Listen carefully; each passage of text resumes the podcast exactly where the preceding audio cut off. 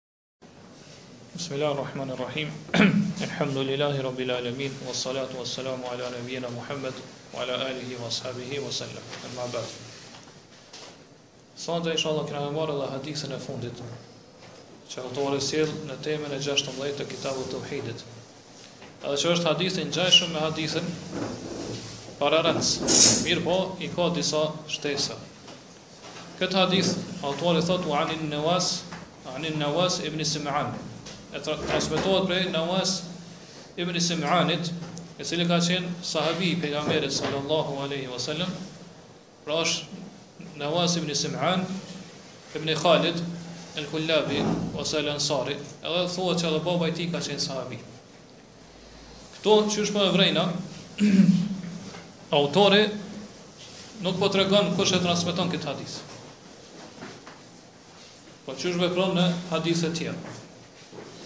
Atëherë kjo detyrimisht neve na shtyn që me shiku se pse autori nuk po e përmend kush e transmeton këtë hadith. Prandaj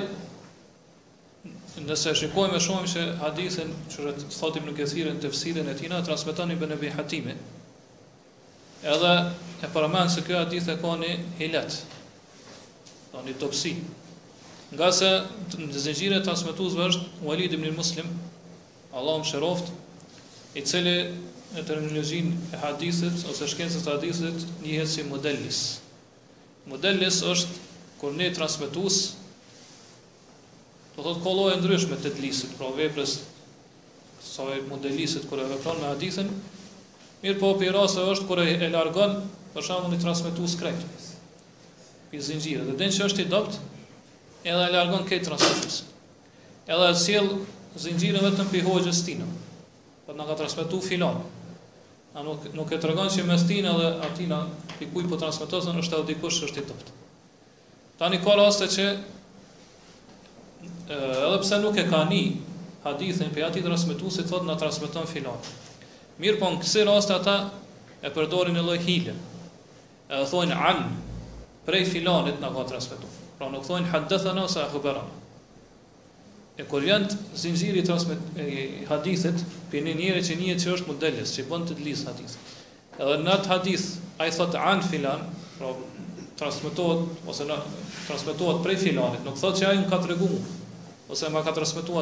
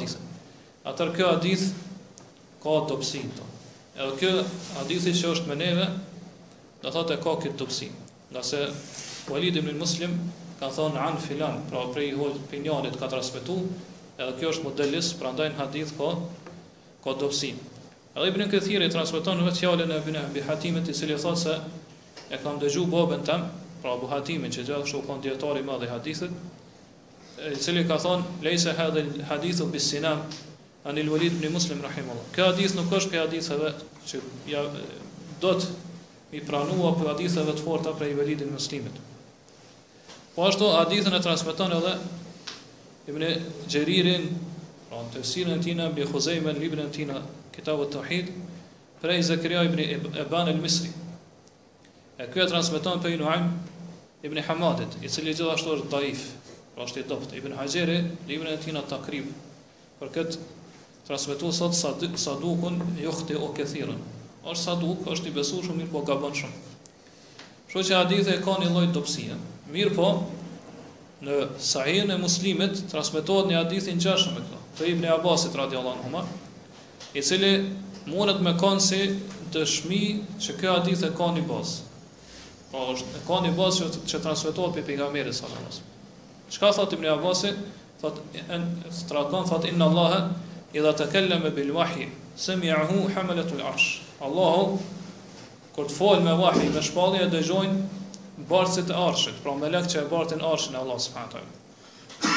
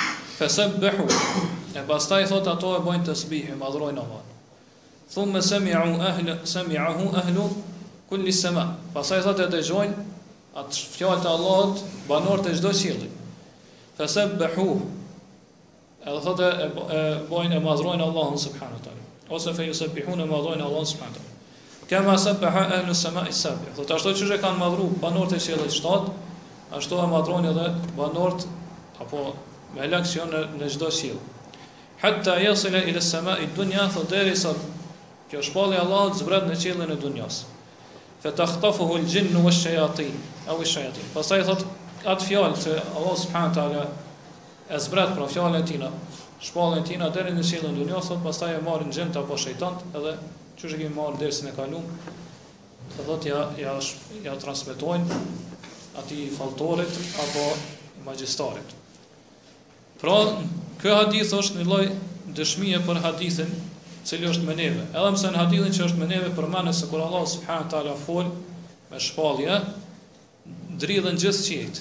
Pra i kap një lloj dridhje. Edhe pastaj melekët bin në sexhde.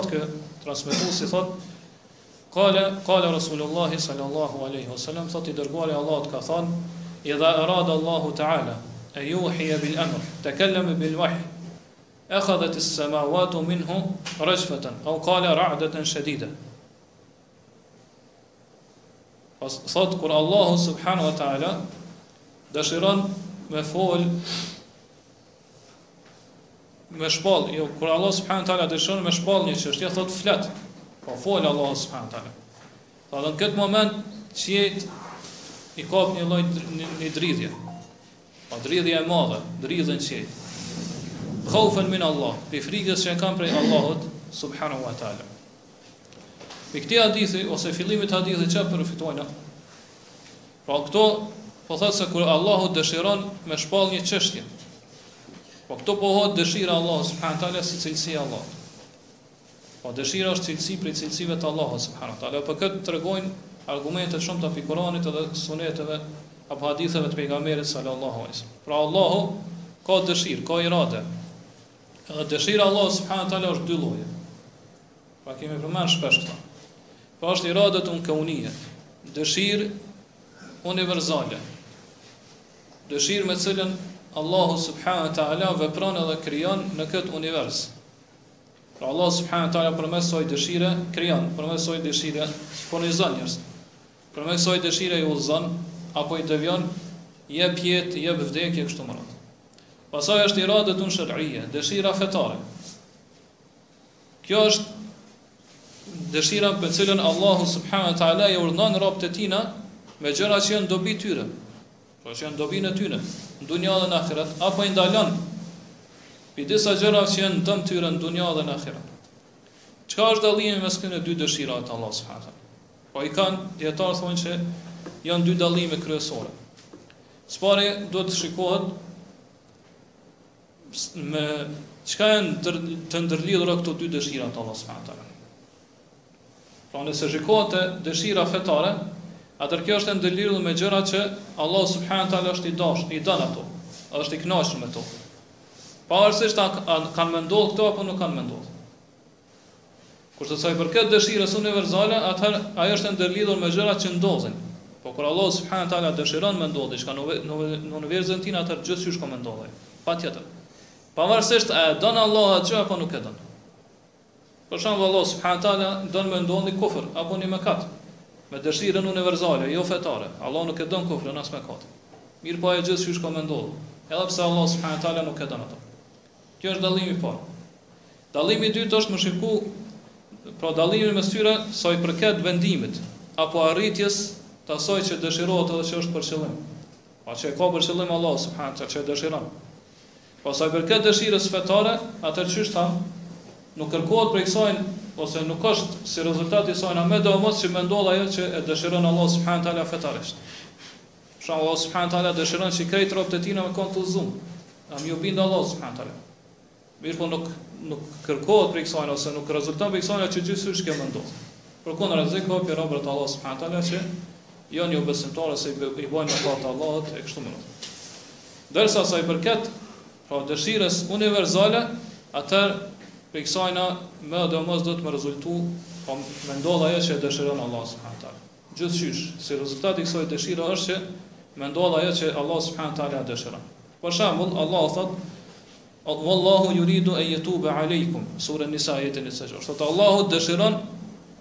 Që me jau pranu pendimin ju. Çfarë dëshirë është kjo? Kush e din? Fetare po, shariatik. Pse? Se sikur t'ish kon universale atëherë krejt njerëzit ishin kon penduem dhe jau kish pranu pendimin. Mirëpo Allahu dëshiron që pa po me dëshirën e tina fetare që me jau pranu pendimin, po gjithë ju me u pendu te Allah subhanahu teala, edhe me kon të penduem.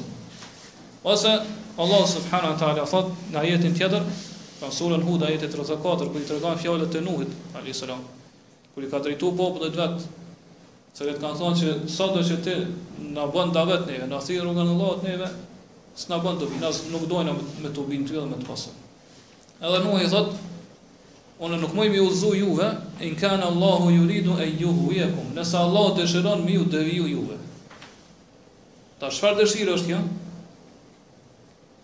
Ka unia, do në universale.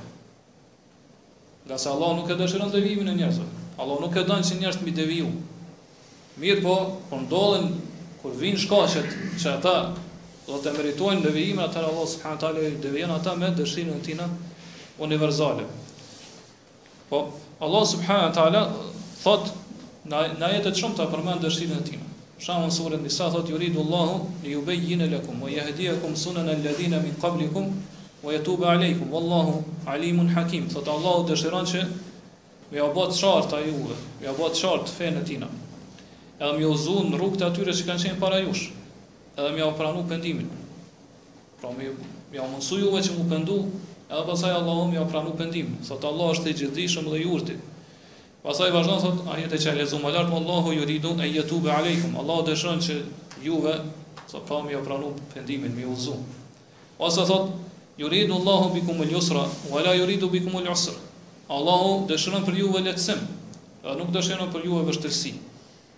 Kjo dëshirë është dëshirë fetare, nuk është dëshirë universale qysh e kanë sqaru dijetarët, ngase nuk ka mundësi me kanë dëshirë universale, se Allahu subhane teala sikur të kish qenë universale atër gjithqysh do thotë kish ndodh vështirësia.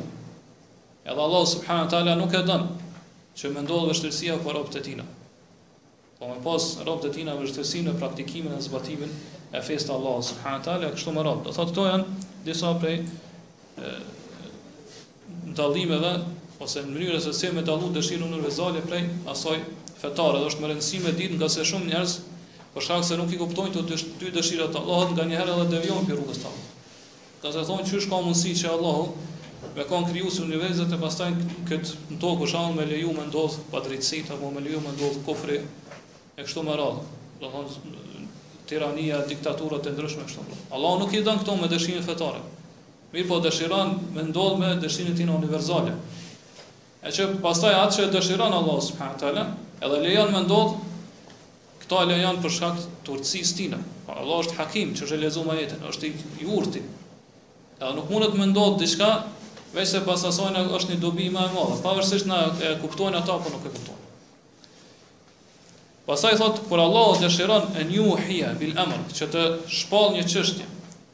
El wahj apo shpallja është pra el wahj arabisht është el ilamu bi suratin wa khafa. Me shpall diçka me shpejtësi, shpejt edhe në mënyrë të fshehtë. Edhe shpallja është dy lloje. Është wahju ilham, shpallja e inspirimit edhe wahju irsal, shpallja e dërgimit.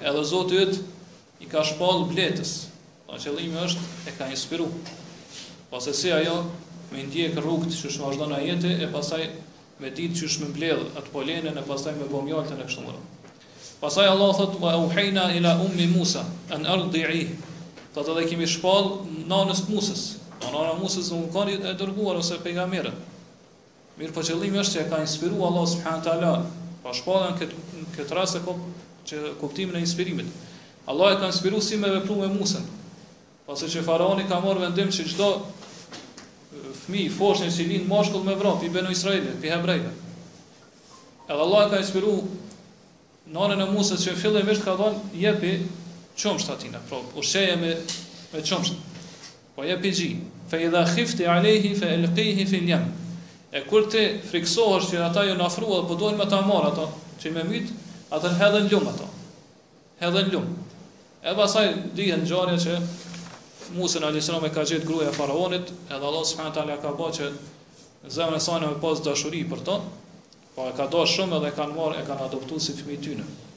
Edhe kështu me radhë pra Allahu subhanahu taala ju shpall disa ose në kuptimin e inspirimit disa prej krijesave të Tina. Kurse shpallja e irsalit që është pra që përmes saj dikush bëhet i dërguar, atëherë kjo vjen prej Allahut përmes Xhibrilit alejhis selam tek pejgambert apo tek të dërguarit e Allahut. Po kur Allahu dëshiron thotë me shpall një çështje, bil amr, një çështje. Qëllimi i çështjes këtu është gjitha çështjet që kanë të bëjnë me këtë univers. Po çështjet me të cilat Allahu subhanahu wa taala Me urdhnat e Tina e drejton apo e udhëheq këtë univers. Po këtë ky univers dhe krijesat që jetojnë në këtë univers. Po ka edhe këtë kuptim, po ka edhe kuptimin e shpalljes, qysh thamë shpalljet që e zbret tek të dërguarit e Tina. Po kjo fjalë që u përmend në hadith i përfshin këto, po është e përgjithshme, i përfshin këto dy kuptime. Po edhe kur Allah subhanahu taala dëshiron me shpall për një çështje, po prej çështjeve të universit,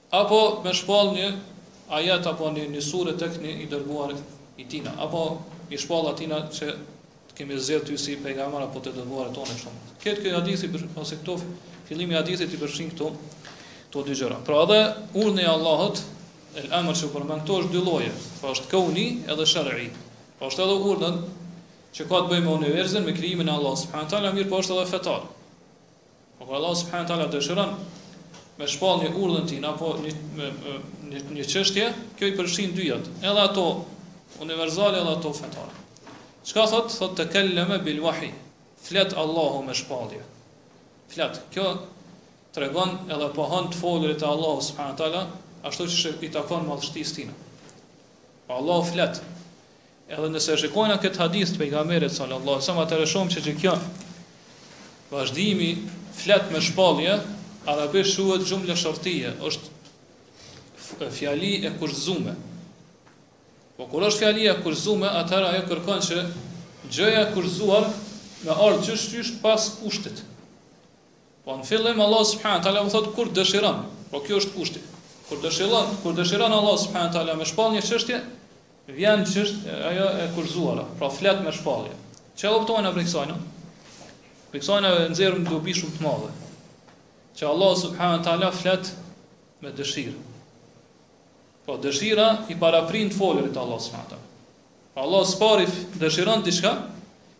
E pastaj fol për atë që dëshiron Allahu subhanahu wa taala me kriju në universin e tij. Qysh e kemi marrë dersin e kalum, kur Allahu dëshiron diçka veç thot kun feyakun, bëhu dhe ajo bëhet. Pra, Allahu krijon me fjalë. Bëhu dhe ajo bëhet. Mirëpo kësaj i paraprin dëshira e Allahu subhanahu wa taala. E këtu ka kundërpërgjigje ndaj eshariive. të cilët thonë se Allahu subhanahu wa taala flet pa dëshirë, ose thonë që të folurit e Allahut subhanahu wa taala është ezeli, pra është i pa fillim, mirë po jo që Allahu subhanahu wa taala tash kur dëshiron prap fol me folë me të folur të ri. Mirë po ka ekzistu me Allahun subhanahu wa taala në pa fillim të folurit, po jo që Allahu tash flet prap kur dëshiron ai. E këtu po shohim se ky hadith është kundërpërgjigje ndaj tyre.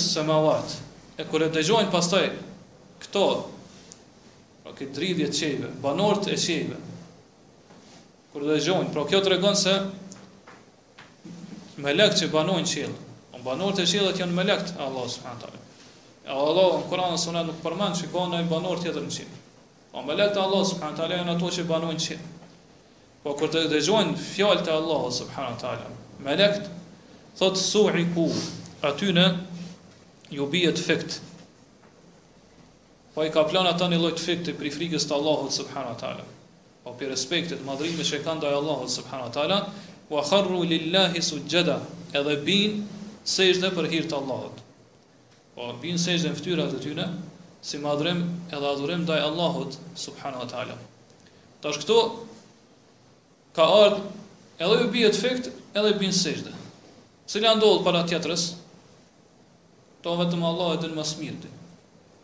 Ngase thot su'iku wa kharru, ju bihet fikt dhe bin sejdë.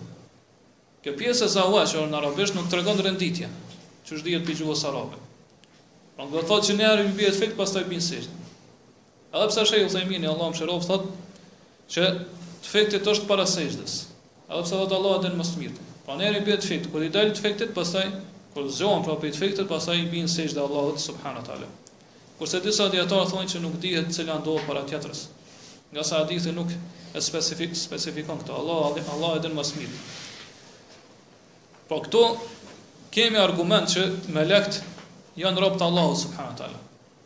Pra i frikësohen Allahut, e respektojnë Allahun, urdhnat e tina, edhe e madhrojnë Allahun subhanahu wa taala. E këtu kemi kundërpërgjigje ndaj mushrikëve, paganëve të cilët i adhurojnë melekët. Edhe pretendojnë se melekët i afrojnë te Allahu subhanahu wa taala. Pra ashtu siç i afrojnë njerëz ministrat apo njerëz që janë afër mbretit, pra i përcjellin lutjet tona te mbreti. Po nëse dikush ka naj kërkesë me ja drejtu mbretit apo kryetarit të shtetit, smunet direkt me shku te ai, mirëpo e bën ndërmjets mes tine edhe mes mbretit apo kryetarit të shtetit. Edhe kta thojnë edhe melekët e kan të njëjtën detyrë sikurse tek mbretërit e botës. Kshtu qe e kan krahasu krijusin me krijesat. Po e kan krahasu Allahun subhane wa taala me mbretërit e botës. E Allahu është i pastër dhe i lartësuar prej asaj që ata ja përshkruajnë Allahut subhane wa taala. E ktu ka kundërpërgjigje ndaj tyre.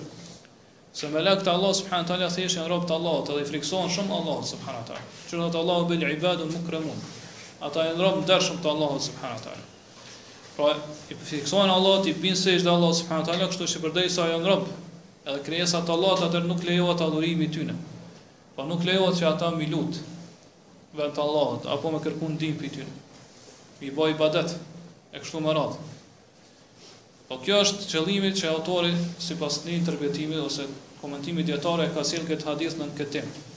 Po m'iu kundërpërgjigjë mushrikëve, paganëve të cilët do thotë në zemrat e tyre lidhen me krijesa të Allahut subhanahu wa teala.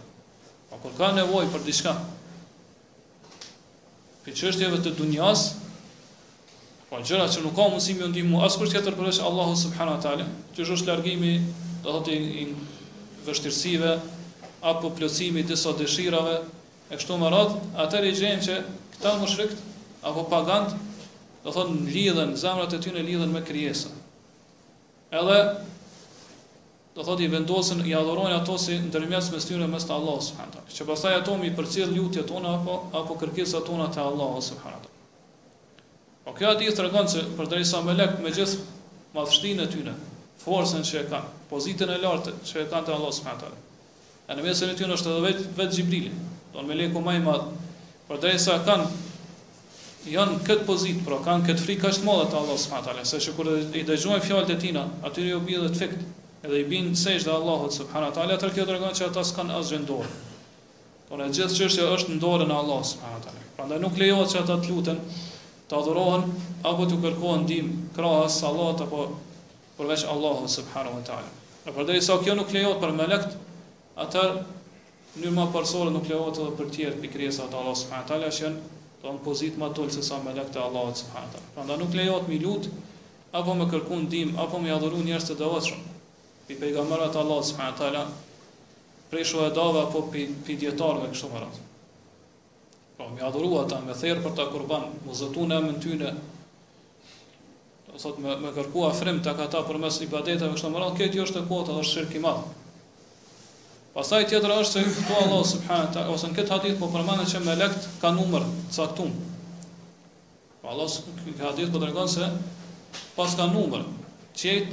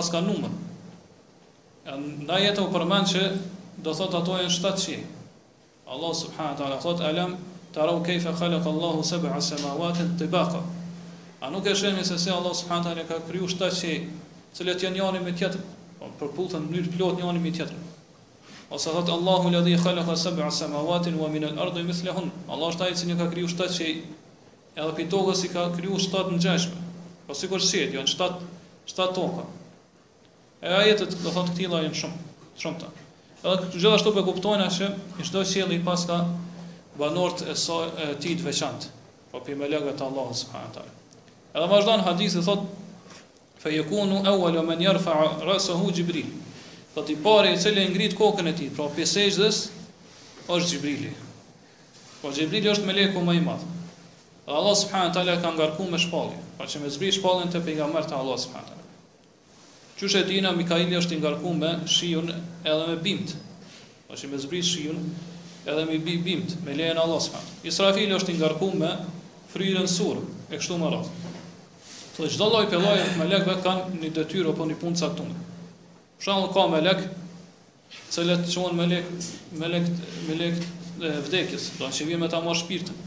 E kryetari apo i pari i tyne është melekul maut, meleku i vdekjes. Mirëpo ai ka ndihmëtarë të tina që i ndihmojnë. Që thotë Allahu, teveffet-hu rusuluna, ve hum la juferritun. Njerit në momentet e vdekjes, ja marrin shpirtin të dërguarit ta. Pra po, melek që i dërgojnë ana. Kjo të regon që ka shumë melek, cilët vinë me ja mon shpirtin njeri. Mirë po i pare i ty në që është, është melekul mauti.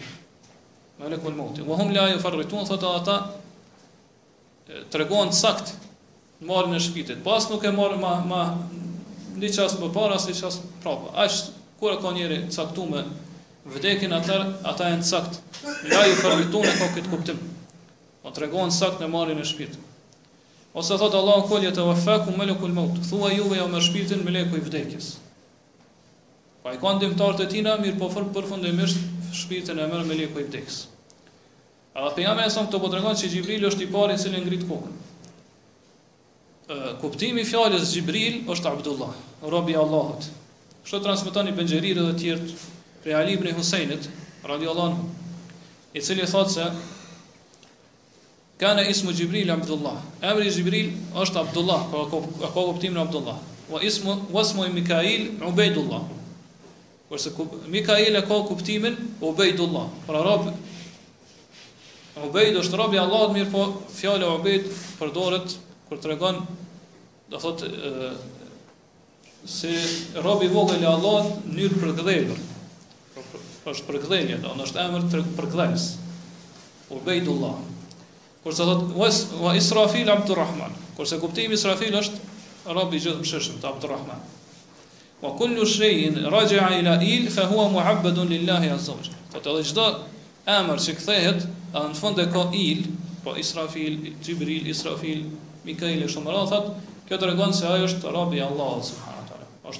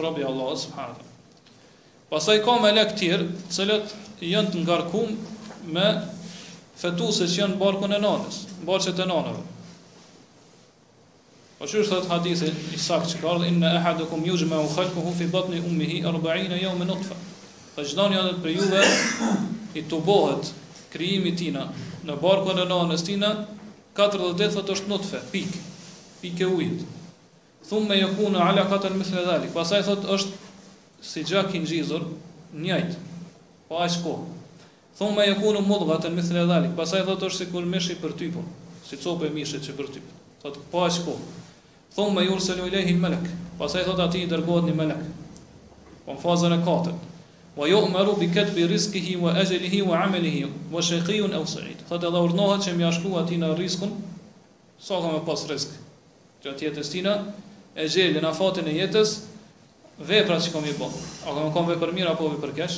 Po besimtar pra jo besimtar. Edhe ve shekijun ev seid, pra ka me qenë fatkeq apo fatlumtur. Pra këto janë melek që e kanë këtë detyrë. Pastaj ka melek që janë ngarkuar edhe me detyrë, pra me i rujt veprat e bijve të Ademit. Po i shkrujnë veprat e mira a të këqija tonë. Ato vazhdimisht na përcjellin. Çka do që veprojnë na gjatë ditës dhe natës, ata e shkruajnë.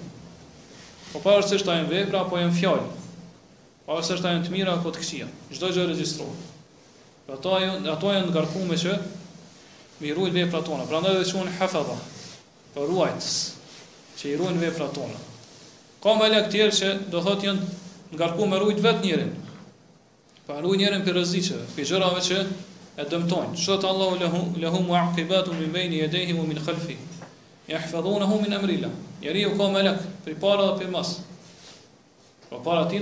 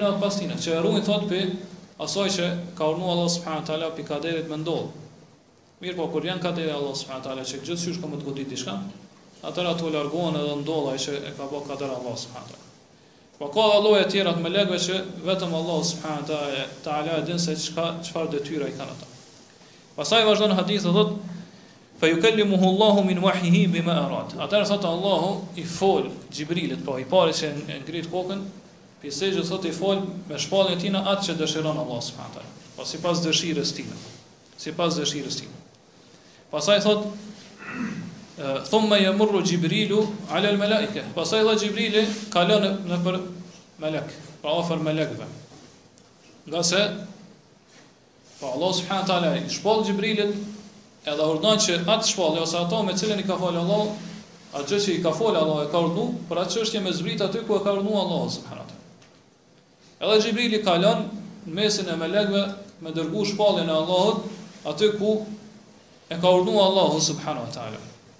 Pra Xhibrili i kushton rëndësi shpalljes, shpalljes së Allahut. Prandaj këtu edhe shfaqet vlera e madhe që e ka Xhibrili ndaj melekëve të tjerë. Vlera e madhe që ka Xhibrili ndaj melekëve të tjerë. Pasi Allahu subhane wa taala po ia beson shpalljen edhe po ia veçon pi krejt melekëve që Xhibrili është ai i cili e zbret shpalljen e Allahut subhane wa taala. Pra qëllimi nuk është vetëm shpalljen te pejgamberët sa herë. Mirpo shpalljen që ka të bëjë me gjitha çështjet e universit. Pastaj ata krejt e pyesin Xhibrilin, ç'është kena me marr tash vazhdimin e hadithit. Edhe kjo tregon se vërtet Xhibrili do thotë ka pozitë të lartë te Allahu subhanahu wa taala. Edhe Allahu e përshkrun thotë innahu la qawlu rasulin karim, vërtet ky Kur'an është fjalë e një të dërguarit fisnik të ndershëm. Po qëllimi është për Xhibrilin, i cili e ka sjell prej Allahut subhanahu wa taala, e ka përcjell fjalët e Allahut te pejgamberi sallallahu alaihi wasallam. Dhi kuwatin, i cili thotë ka forcë të madhe.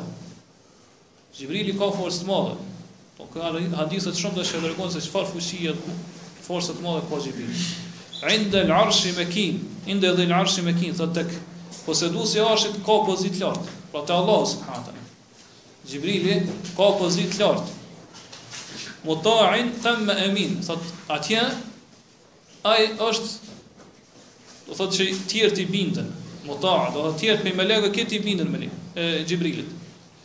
Po melekët cilët janë shoqëria ose banorët më të lartë të qiellit i bindën apo dhe melekët e gjithë qiellit i bindën Xhibrilit. Edhe është emin, pra është emin për shpalljen e Allahut subhanahu taala. As nuk e shton as nuk e pakson. Ama ashtu siç e ka urdhëruar Allahu subhanahu taala, do thotë ai ashtu e zbret shpalljen, çka ka urdhëruar Allahu subhanahu taala. As nuk shton as nuk pakson. Pastaj vazhdon të thotë kullama marra bi sama, sa herë që Xhibrili kalon afër një qielli. Thot sa'alahu malaikatuha. Atëherë e pyesin melekët e atij qielli. Po kjo tregon se çdo qiell i ka melekët e vet të veçantë. E pyesin Xhibrilin melekët e atij qielli. Ma dha qala rabbuna ya Xhibril.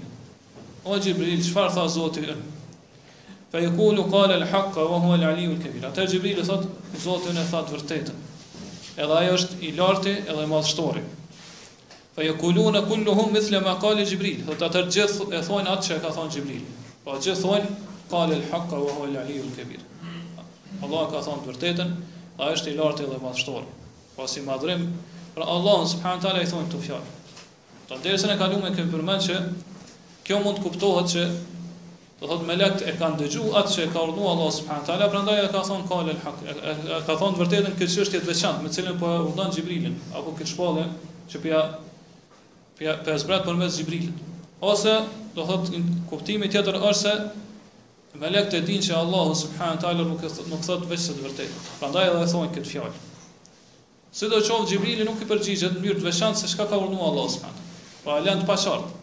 E megjithëkëtë, thotë, melektë thonë, Qale al-haqqa wa huwa kebir, wa huwa al-'aliyyu al-kebir. Ai e ka thënë të vërtetën dhe është i larti edhe madhështori. Prandaj edhe Xhibrili quhet Emin.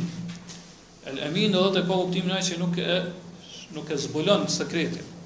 Nuk e zbulon sekretin, e mban atë që ju ka besu. Prandaj e len në mënyrë të paqartë, do thotë nuk e sqaron çka ka thonë Allah. Mirëpo veç që e thotë vërtet, e ka thonë të vërtetën, edhe është i larti, edhe madhështori. Pasaj, El Ali, kemi përmend edhe në dersin e kalun, i larti, do thotë qëllimi është Allah subhanë tala, këtu pohohet lartësia e Allahut subhanë, që Allah është lartë. Edhe lartësimi i Allahut subhanë tala ka tri kuptime.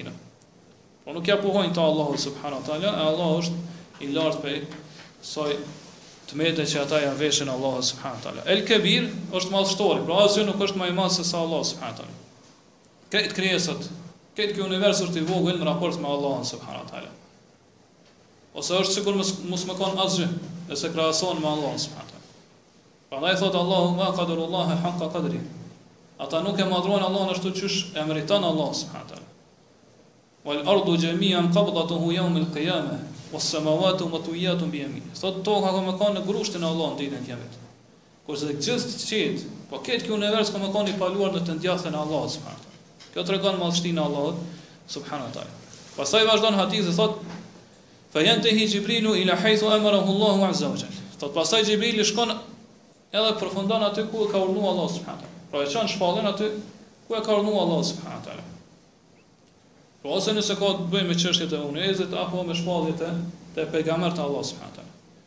Autori këtu u ndal, mirëpo hadithi vazhdon edhe pak. Pra autori ose ka pas bëj, ka ka dëshiru, ka pas për qëllim që me vazhdu hadithin deri ku e transmeton pastaj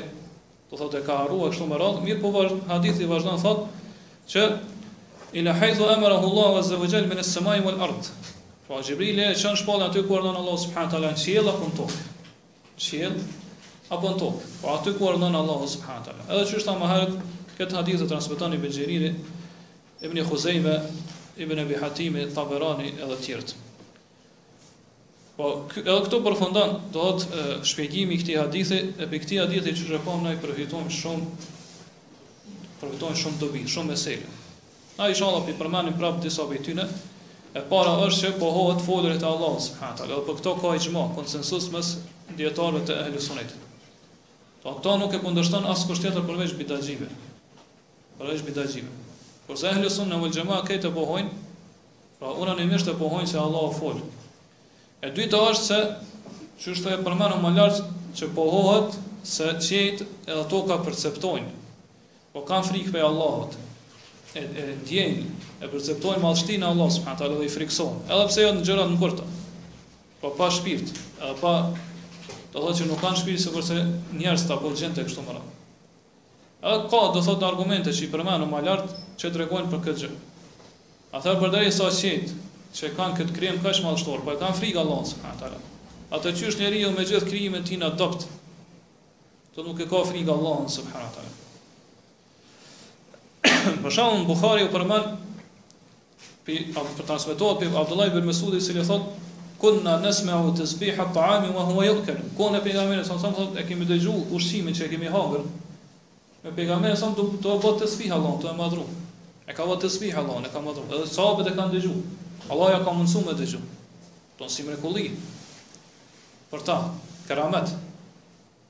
E kanë dëgju ushqimin duke bërë tesbih Allahun subhanahu wa taala. Po gjërat e ngurta e madhrojnë Allahun subhanahu wa taala. Ose dihet ajo që është në Buhari transmetohet prej Aishës radhiyallahu anha që pejgamberi sallallahu alaihi wasallam në fillim para se me ndërtu mimberin me tri shkallë që e ka pas, e ka pas një cung një trunk prej palmës të hurmës, prej trupit të hurmës. Edhe aty është ngrit, do thot, në kamë dhe ka mbajt hutbet ose fjalimet. Kur e ka zavendësu me këtë mimberin, atëherë sahabët thotë e kena ndëgju atë tu vajtu këtë cungun, do thotë që ma nuk ka me qëndru pejgamberi sallallahu alaihi wasallam për mbi to. Po edhe gjërat e ngurta e kanë dashtë pejgamberin sallallahu alaihi wasallam. Ka qajtë kjo dhe thotë e kena ndëgju vajtimin e tina, që pejgamberi s.a.v.s. tash e ka ndru me mimberin edhe do thotë ma nuk ka me qëndru për mbi to. Pastaj vazhdon hadithi që pejgamberi është afru edhe do thotë e ka lëmu atë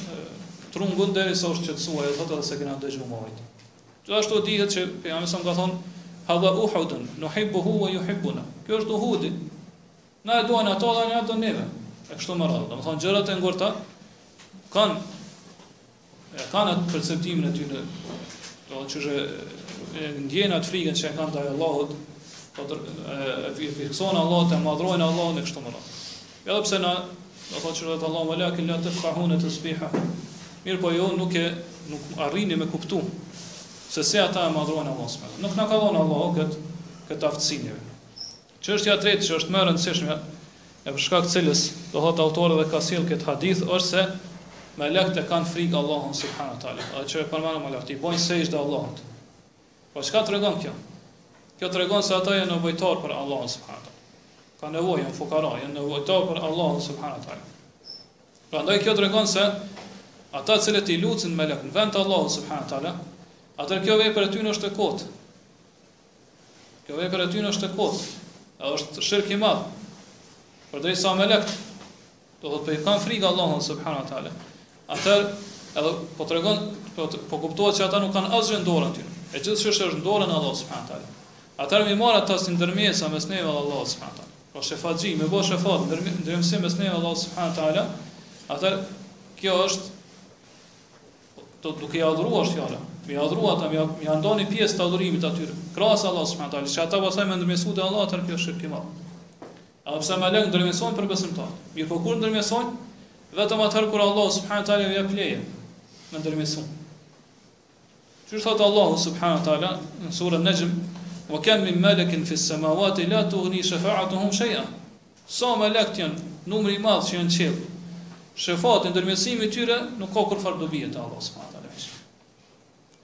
Mirëpo thotë, Illa min ba'di en je'dhene Allah.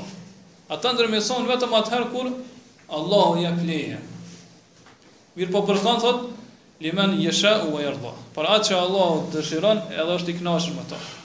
Pra që ndërmjetësimi te Allahu subhanahu wa taala ndodh vetëm me dy kushte. E para është kur Allahu jep leje me ndërmjetësu. Atëherë ndodh ndërmjetësimi.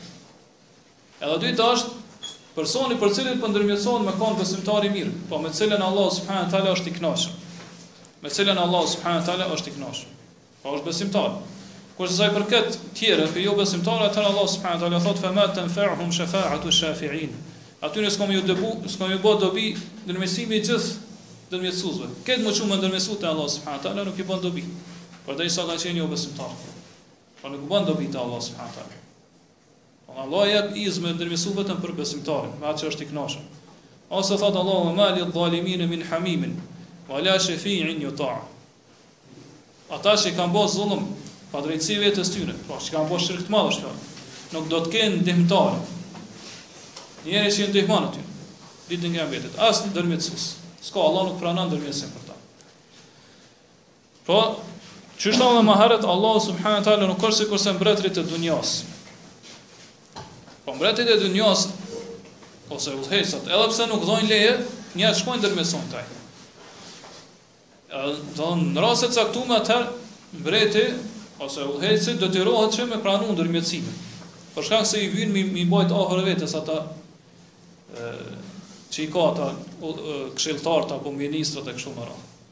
Zavencat e tijna kështu më. Ose do thot që mos me u bo në tension në mesin e popullatës kështu. Po shkojnë ndërmjesojnë pa dëshirën e tij. Kë do thot nuk mundet me u bo krahasim mes Allahut dhe mbretërve. Te mbretërit e botës bëhet ndërmjesim pa dhënë leje, pa dëshirën e tij. Edhe ai, edhe pse nuk e dëshiron, shpesh e pranon ndërmjetësimin. Mirëpo Allahu subhanahu wa taala është Ghani, është i vetëmjaftueshëm, nuk ka nevojë për robt e tij. Dhe askush nuk ka mundësi do thot me ndërmjetësu te Allahu subhanahu wa taala vetëm se me lejen e tij. Edhe vetë Muhamedi sallallahu alaihi wasallam, që është krijesa më më e vlefshme, më e dashur te Allahu subhanahu wa taala. E dimë të gjithë ditën e Kiametit kur njerëzit janë n'mahsher, do thot n'vendtubimin e tyre. Edhe kur do thot dielli afrohet afër kokave të tyre dhe vështirësohet shumë gjendja. Edhe krejt pejgamberët e dërguar që njerëzit u drejtohen që me shku me ndërmisu te Allahu subhanahu taala me fillu gjykimin, krejt e refuzojnë këtë kërkesën e njerëzve dhe në fund pejgamberi sa sa thot ana laha un un jam, Allahu më ka kriju mua për këtë ndërmisim. Po mu ma ka dhënë Allahu kët kët dhunti dhe kët mirësi. Pejgamberi salallahu alejhi selem shkon edhe bjen n'sexhde Allahut subhanahu wa taala nën arshin e tina. Edhe Allahu ja ja mundson që ja hap do thot mendjen, ja hap zemrën e tina. Që me falënderu Allahun me madhru me disa falëndrime dhe madhrime që nuk i ka ditë më herët pejgamberi sallallahu alaihi wasallam.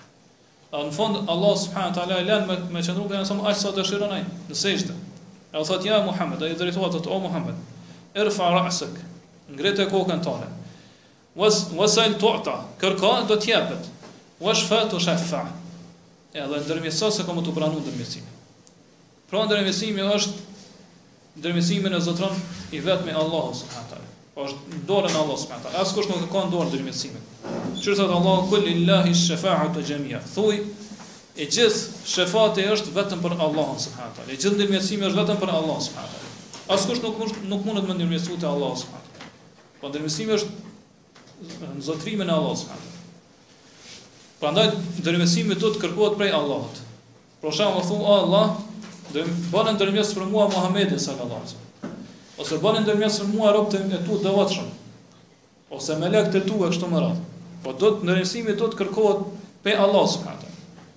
Mirëpo, me kërkuar ndërmjetësim pas vdekjes pejgamberit sallallahu alaihi wasallam, me thonë o Muhammed, ndërmjetëso për mua. Ose o filan, ndërmjetëso për mua. Ose me shku te një i vdekur, te një varr, me thonë ndërmjetëso për mua te Allah. Atër kjo nuk lejohet. Madje nëse kërkohet prej të vdekurve, atëherë kjo është shirk i madh. Kurse sa i përket gjallit, atër lejohet me kërku prej tina m'u lut për ty. E kjo një lloj kërkese ndërmjetësimi. Nëse është i gjallë, edhe është do të prezente, edhe dëgjon lutjen tane, edhe është njeri i devotshëm. Po, ti në pamjen e jashtme e sheh që ai, do thot ka devotshmëri për Allahun, ka frikë Allahun, atër lejohet me shku me i thonë lutu për mu. O lutu për mu, lute Allahun subhanahu teala për mu. Kurse sa i përket vdekurit atëra ai nuk ka mundësi me dëgju lutjen tonë. Kështu që nuk kërkohet asgjë prej tij. Po sipas një mendimi dijetarëve kjo është qëllimi që autori e ka sjell këtë hadith në këtë temë. Pra me sqaru gjendjen e melekve në raport me Allahun subhanahu teala. Se si ata e kanë frikë Allahun, ju bie të fikët prej frikës, për respektin, madhrimin që e kanë ndaj Allahut subhanahu teala dhe kur e dëgjojnë fjalën e tij, po bëjnë sejdë,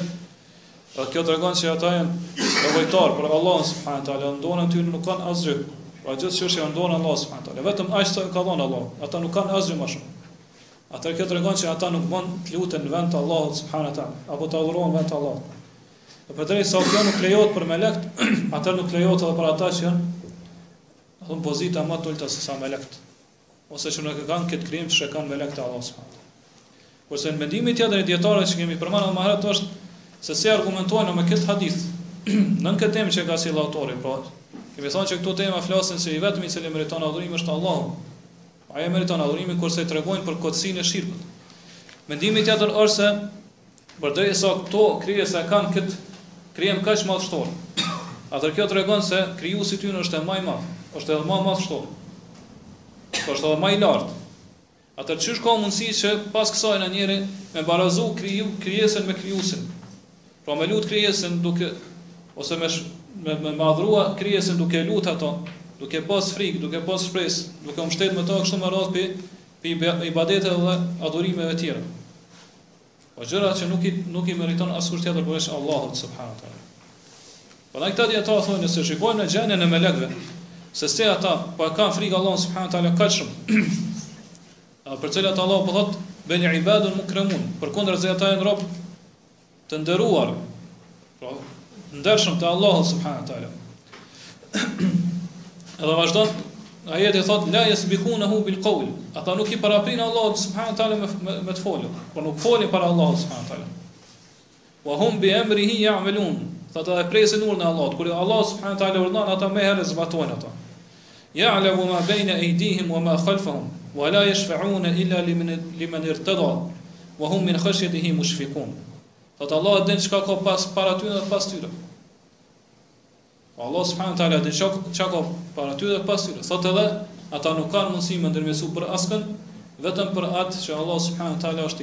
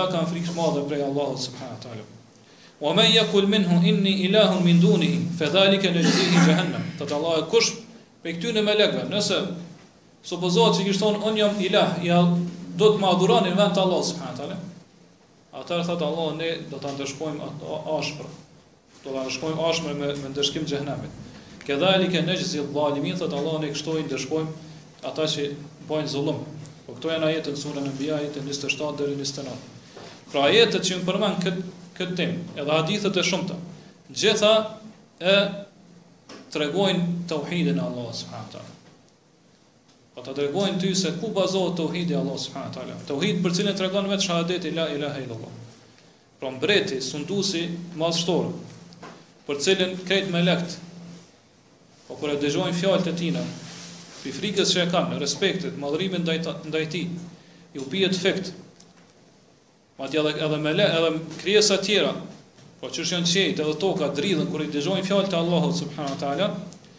Po krijuesi edhe mbreti sundues i cili është i përsosur në në qenien dhe cilësitë e tina, në dijen, forcën, sundimin e tina, në vetëmjaftueshmërinë e tina. Po plotfuqishmërinë e tina. Do thotë që Allahu subhanahu wa taala nuk ka nevojë për askënd. Kurse tjerët krejt kanë nevojë për Allahun subhanahu wa taala. Dhe që Allahu subhanahu wa taala atë që ka caktuar me ndodhë dhe urdhënon gjithçysh ajo ka m'u zbatu. Po ka m'u ekzekutu urdhri edhe dëshira e Allahut subhanahu wa taala. Edhe krejt kjo është, është e bazuar në dijen e tij, të pakufishme dhe urtësinë e tij. Atër tregon se përderisa Allahu subhanahu wa taala ka kët përsosshmëri, atër nuk lejohet as logjikisht, po as fetarisht, ose më mirë me thon as fetarisht, as logjikisht që Do thotë të adhurohet dikush tjetër vend të Allahut subhanahu wa taala apo të konsiderohet dikush tjetër i barabartë edhe ortak shok me Allahun subhanahu wa taala në adhurimin, në ibadetin e cila është e drejtë e vetme që i takon vetëm Allahut subhanahu wa taala. Qysh ka mundësi që i zotruarit të llogaritet si Zot apo robi të bëhet i adhuruar.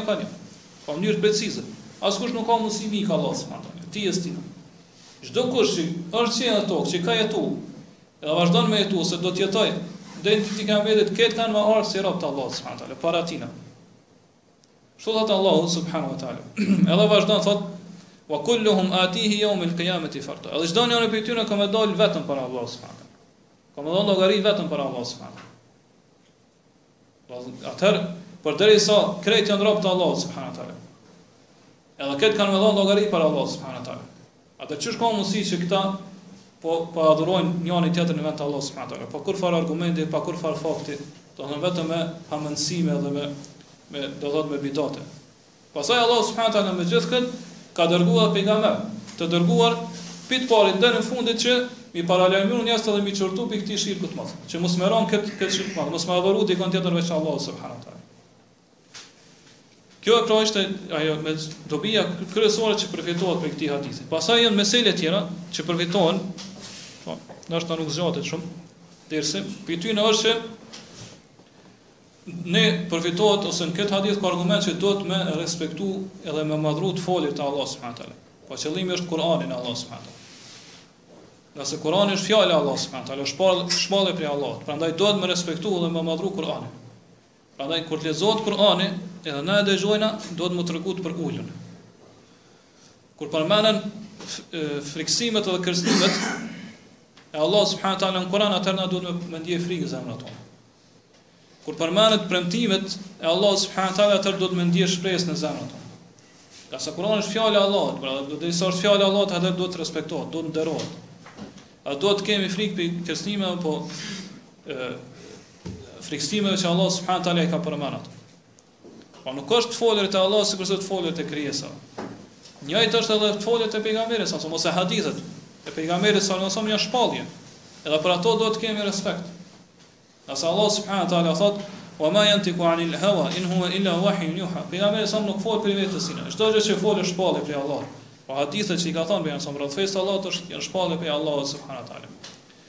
Çështja tjetër që përfitohet është që përmendëm më herët është se tregon vlerën e Xhibrilit.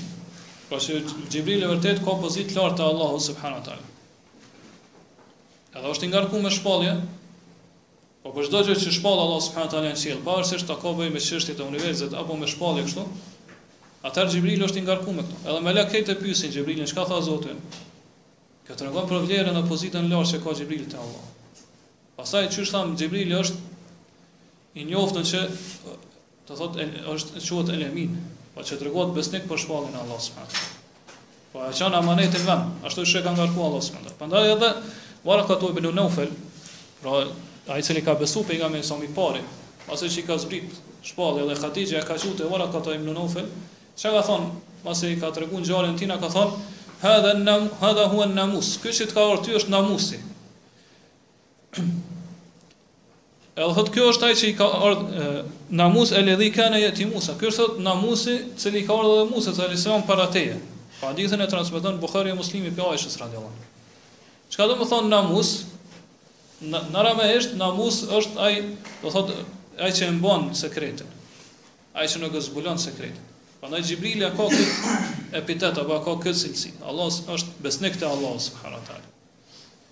Çka kuptojmë na prej ksajna një dobi tjetër është që përfitohet prej ksajna është se përderisa Xhibrili është kaq besnik, edhe e dërgon shpalljen aty ku urdhon Allahu subhanahu teala. Pra nuk e gabon hiç. As nuk e shton, as nuk e pakson. Atëherë këtu kemi kundërpërgjigje kundër Rafidhave, Shiave, të cilët thonë se Xhibrili është urdhëruar që shpalljen me ia dërgu Aliut radhiyallahu anhu, ai do thotë e ka penguar ose e ka tradhtuar shpalljen edhe ia ka dërguar Muhamedit sallallahu alaihi wasallam.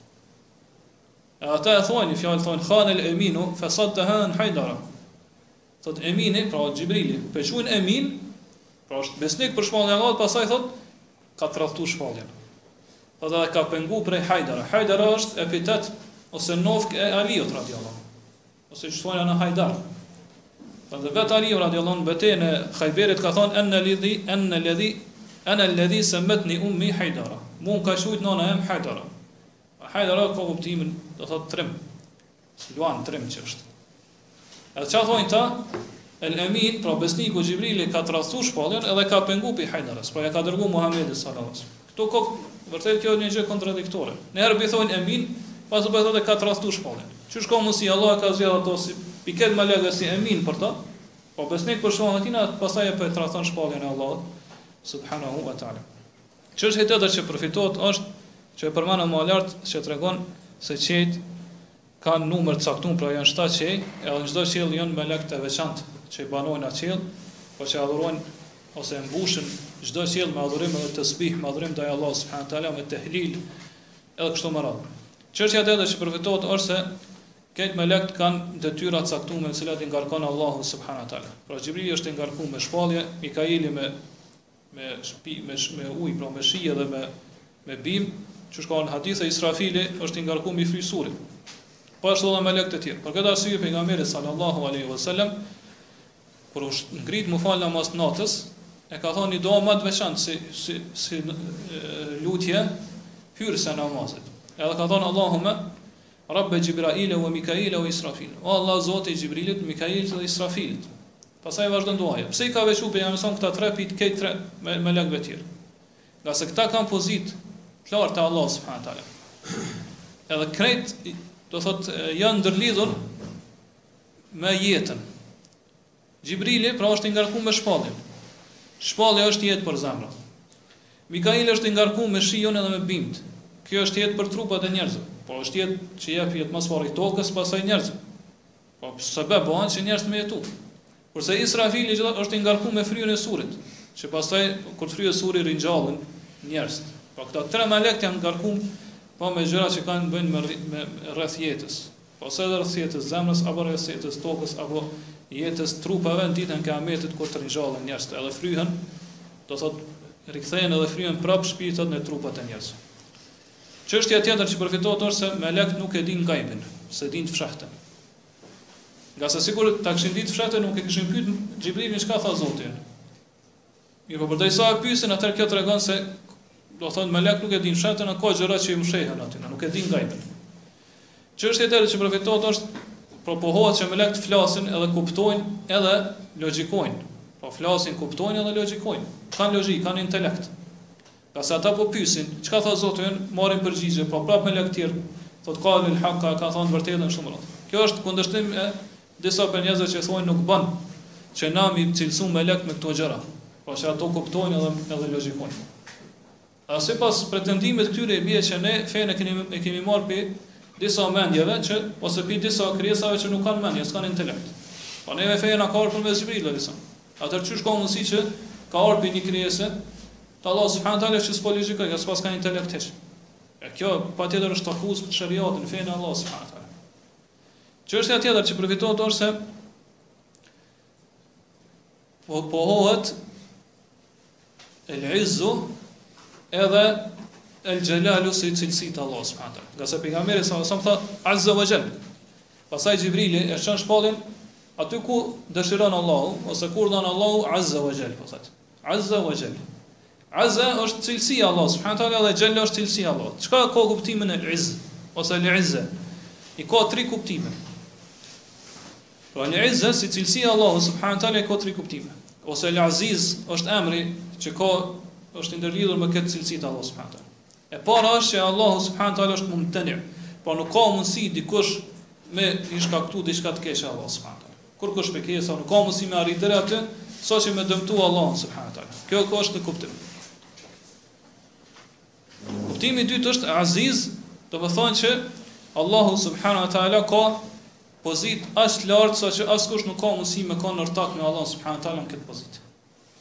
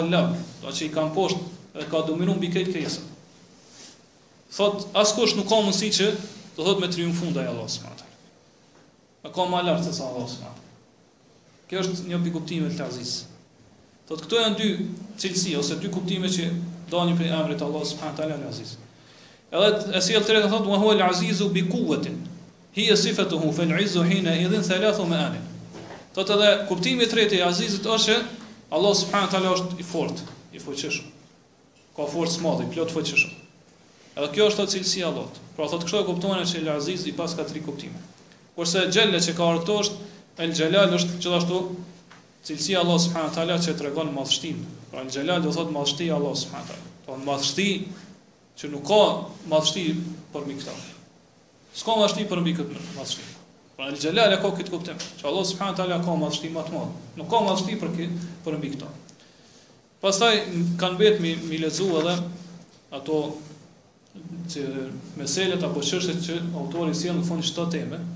A inshallah për këto do të flasim herën e ardhshme ose do t'i shpjegojmë herës ardhshme Allahu alem. Sallallahu ala nabijina Muhammed wa ala alihi wa sahbihi wa sallam.